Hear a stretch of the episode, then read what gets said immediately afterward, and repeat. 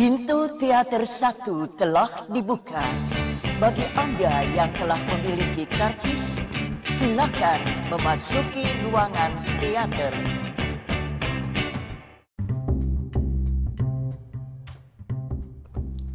Halo semuanya, balik lagi sama gue Mustafa di podcast Habis Nonton Film Kali ini gue akan ceritain tentang film Indonesia terbaru di tahun 2019 yang cukup membuat banyak orang nangis di bioskop Yaitu judulnya Keluarga Cemara Karya sutradara baru yaitu Yandi Lawrence Yang sebenarnya sih nggak baru-baru banget karena di dunia perfilman film pendek itu dia udah pernah bikin sih sama uh, di web series itu cukup populer juga kalau kalian pernah nonton film sore eh serial sore sama Mahiri Cinta dalam tiga episode.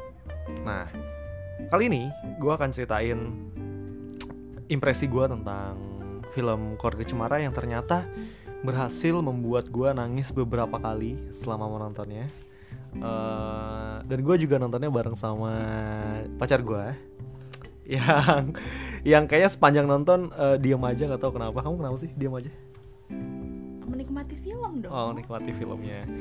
Jadi uh, gue sih sebenarnya pas datang ke sana dengan karena gue belinya online ya jadi gue tahu kalau film ini harus segera dibeli siang hari sebelum nonton karena pasti banyak yang nonton. Eh ternyata bener pas ke bioskopnya itu full sama keluarga-keluarga gitu. Yang datangnya suami istri dan anak-anaknya tapi mayoritas sih suami istri sih jadi yang menengah. Eh bukan menengah umurnya tuh yang dewasa gitu loh. Dan kalau ditonton tuh filmnya lebih ngeceritain tentang perspektif orang tua terhadap menjalankan keluarga. Jadi kalau misalnya kalian berekspektasi film ini bercerita tentang pandang dari sudut pandang anak-anak tapi menurut gue sih nggak. Menurut gue meskipun dibelah secara proporsional gitu antara orang tua dan anak tapi menurut gue lebih kental penceritaan tentang orang tua terhadap anaknya. Bagaimana orang tua bisa menyelesaikan masalahnya dan bagaimana uh, sang anak itu merespon tentang kehidupannya itu itu tapi lebih mayoritas itu tadi lebih menceritakan tentang proses ke orang tua uh, menyelesaikan masalah yang terjadi dalam kehidupannya gitu. Jadi sebenarnya ini menceritakan tentang ayah eh, abah emak Ais sama Ara yang memiliki keluarga yang sangat harmonis pada awalnya dengan uh, dengan kehidupan yang mapan kekayaan yang cukup gitu ya. Sampai suatu ketika si abah ini mendapatkan sebuah masalah yang mengakibatkan keluarganya bangkrut gitu bisnisnya bangkrut dan keluarganya dan rumahnya harus harus disita gitu. Sampai akhirnya dia harus tinggal di rumah aki peninggalan uh, ayahnya abah untuk ditinggalin gitu. Jadi barulah di sana pergolakan dan masalah-masalah itu muncul gitu. Tapi pada dasarnya sih masalah besarnya nggak ada. Masalah grand konfliknya itu gue nggak nemu yang secara besar sih. Karena permasalahannya pun muncul dari bukan dari abah tapi datangnya dari si akang gitu.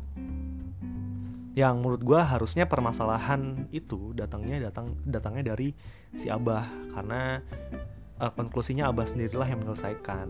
Jadi lebih terasa apa ya lebih terasa kita empati dengan karakter abah ini sih. Jadi andaikan permasalahan ini munculnya datangnya dari abah pasti akan akan sangat seru itu sayangnya sayangnya enggak.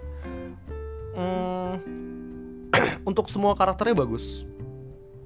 Untuk semua karakternya bisa bikin kita apa ya kita kita bisa care dengan mereka gitu. Abah iya emak juga Ais apalagi Ara apalagi. Dan mereka punya porsi yang cukup masing-masingnya punya peran yang cukup di cerita itu. Uh, meskipun uh, dari semua karakter itu cuma karakter emak yang tidak tergali secara dalam. Gitu. jadi kalau misalnya abah itu kita tahu latar belakang kehidupannya gimana kalau emak tuh kurang. Jadi kalau abah itu lebih kita tahu dia tuh seorang pebisnis seorang kontraktor yang kehidupannya cukup sibuk hingga dia bisa melupakan bukan melupakan sih sebenarnya. Susah untuk meluangkan waktunya sama anak-anaknya sedangkan si emak ini ya kerjanya taunya kita di rumah sama apa ya?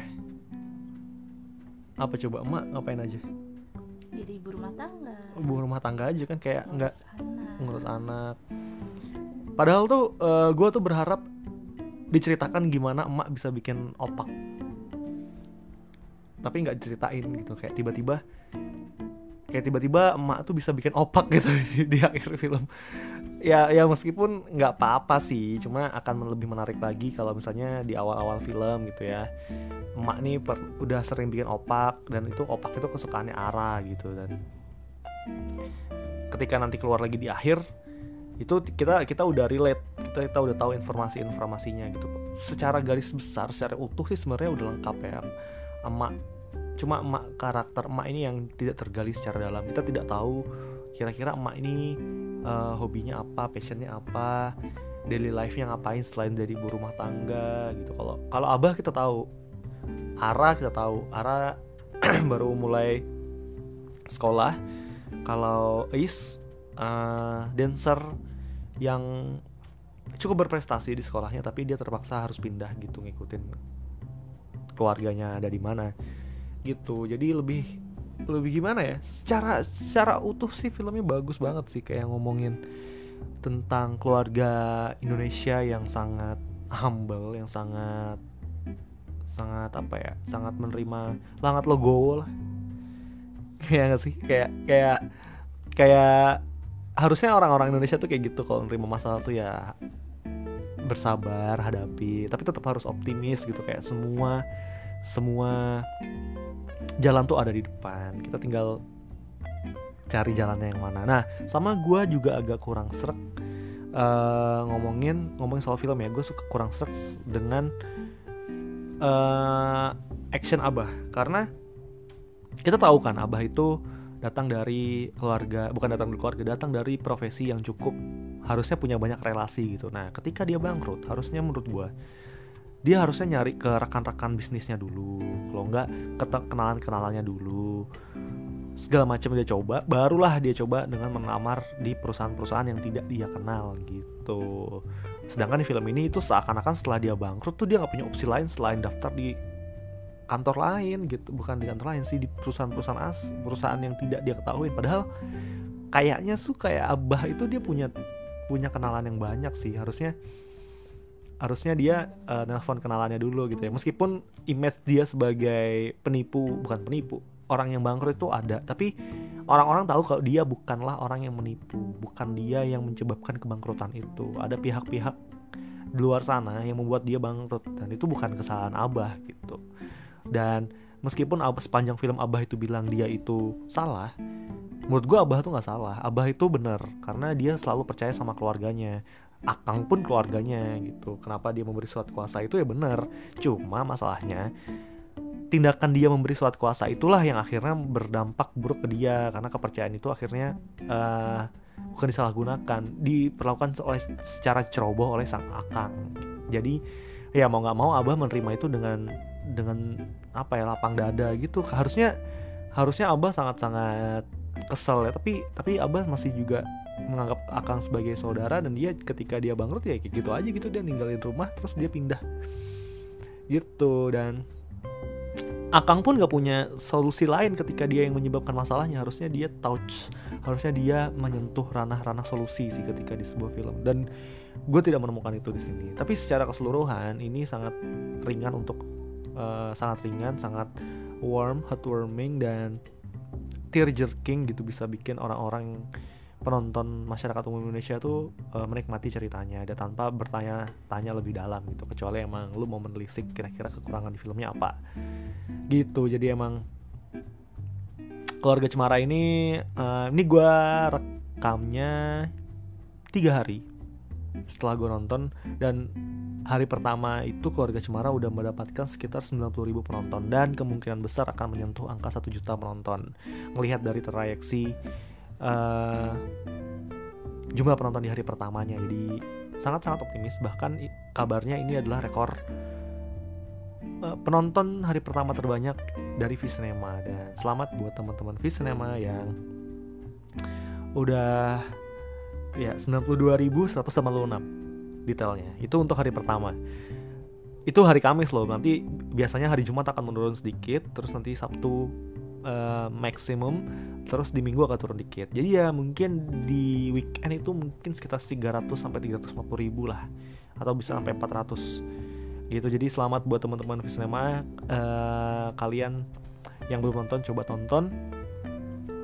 Nggak banyak yang bisa dicari kesalahannya dan uh, lebih banyak nilai positif dan gue sangat menunggu karya terbaru yang di Lawrence setelah ini karena gue sangat yakin yang di Lawrence itu uh, punya kedalaman dan punya direction yang bagus ketika membuat cerita-cerita yang sendu, yang sedih gitu. Karena mengakhiri cinta dalam tiga episode itu juga cukup dalam, konflik-konflik yang besar tapi disajikan dengan cara yang apa ya, yang relate dengan kehidupan sekarang. Terus ada sore juga yang science fiksi bukan science fiksi sih romance tapi fiksi gitu. Yang yang juga diceritakan dengan cara yang menarik gitu. Kalau kamu gimana? Cerita dong kesannya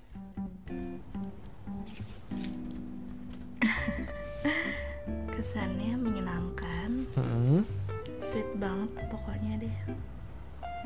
Terus ya udah bikin nangis. Berapa kali nangis di bioskop? hmm, ini boleh spoiler gak sih? Nggak boleh nggak boleh. boleh. Berapa kali aja nggak tahu jadi kayak misal nangisnya tuh nggak dibuat-buat atau di konsep tiba-tiba pas udah bagian scene itu terus kayak berasa menyentuh nangis deh udah banyak nggak nggak cuma sekali kan pasti banyak kan nggak cuma sekali sih kanan kiri aku juga nangis loh iya aku kan Ada. di kiri kamu aku lihat sekitar juga oh iya iya di iya. bagian kiri kamu ke sana iya, gitu, iya. kayak iya. udah pegang tisu orang iya. tuh udah stoknya sedia tisu aja deh iya sih emang. Emang kayaknya nonton film itu niatnya harus nangis sih. Kalau nggak nangis tuh kayak nggak nggak afdol gitu. Kayak nonton komedi tapi nggak ketawa. Tapi kalau film ini tuh emang emang siap-siap untuk nangis gitu dan jangan ditahan. Ya ditahan. Jangan ditahan. Kalau kalau kalau emang apalagi kalau kalian emang pecinta film yang mellow mellow. Tapi mellownya bukan masalah kisah cinta gitu sih. Ini lebih ke, ke masalah kehidupan ke masalah apa ya menghadapi permasalahan-permasalahan yang terjadi di kehidupan dengan dengan sabar. Relate sih makanya yang bikin yang bikin film ini bisa nyentuh ke lubuk hati para penonton. Itu karena relate gitu kayak dimarahin sama bapak mau kabur dari rumah terus pulang dimarahin. Itu kayaknya semua terjadi. Kayaknya semua orang pernah ngerasain itu sih kayak semua pernah ngerasain itu dan ya itulah yang bikin film keluarga cemara ini cukup relate ke penonton Indonesia. Dan jarang kalau nonton film Indonesia tuh yang benar-benar relate dengan kehidupan masyarakatnya gitu. Biasanya tuh mengadopsi atau mengadaptasi konflik-konflik ada di luar negeri film-film Hollywood. Nah ini tuh bener-bener ngomongin tentang permasalahan yang ada di Indonesia. Kayak kalau miskin terus nggak punya uang pindah ke desa. Pas di desa nanti perkonfliknya ya tentang anak yang pindah sekolah nggak punya teman. Eh ternyata dia masih kangen sama teman lamanya. Eh ternyata teman lamanya udah berubah. Kayak gitu sih kayak kayak permasalahan yang umum-umum terjadi. Gitu. Ada lagi nggak? Kamu ngomong apa lagi? Nanti terlalu ini sih. Spoiler ya takut spoiler. Pokoknya tonton aja. bergegas nonton. Bergegas nonton di bioskop ajak uh, sahabat atau teman-teman yang kalian sayangin karena ini tuh film yang bikin kita semakin sayang dengan orang-orang terdekat kita gitu. Kayak kayak kita tuh diam segala kondisi harus mensupport orang-orang yang kita sayangin terutama keluarga. Kalau kalian bisa kalau kalian berani ngajak orang tua nonton ini sih gue salut sih karena pasti nangis sih di bioskop. Terus kayak pelukan gitu sih pasti kayak ya kalau kalian tinggal satu kota sama orang tua dan satu rumah mending diajak nonton karena banyak pelajaran yang bisa diambil dan banyak spirit yang bisa diambil. Gitu. Itu aja untuk episode kali ini. Sampai jumpa di episode selanjutnya. Dadah